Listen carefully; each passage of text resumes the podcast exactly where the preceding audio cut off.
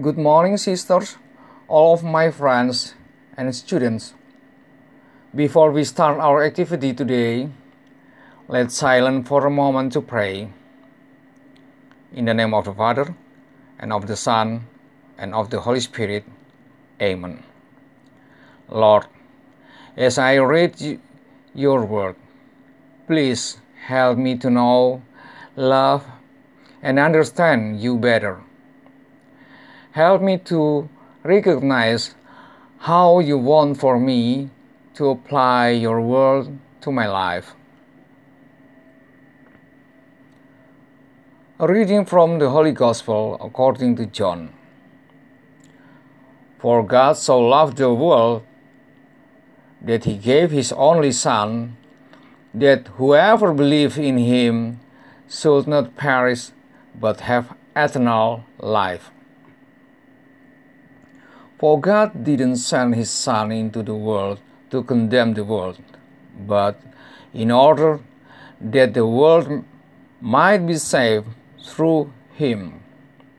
Whoever believes in him is not condemned, but whoever doesn't believe is condemned already, because he has not believed in the name of the only Son of God. And this is the judgment. The light has come into the world, and people love the darkness rather than the light because their works were evil. For everyone who does weak things hates the light and doesn't come to the light, lest his work should be exposed.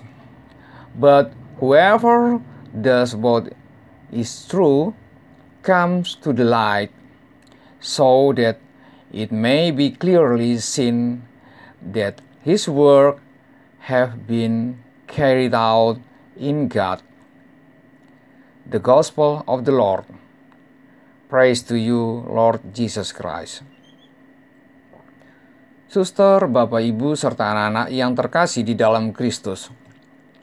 Bacaan hari ini mengajarkan kepada kita bahwa sesungguhnya kasih Allah yang begitu besar tidak akan pernah berkurang untuk kita.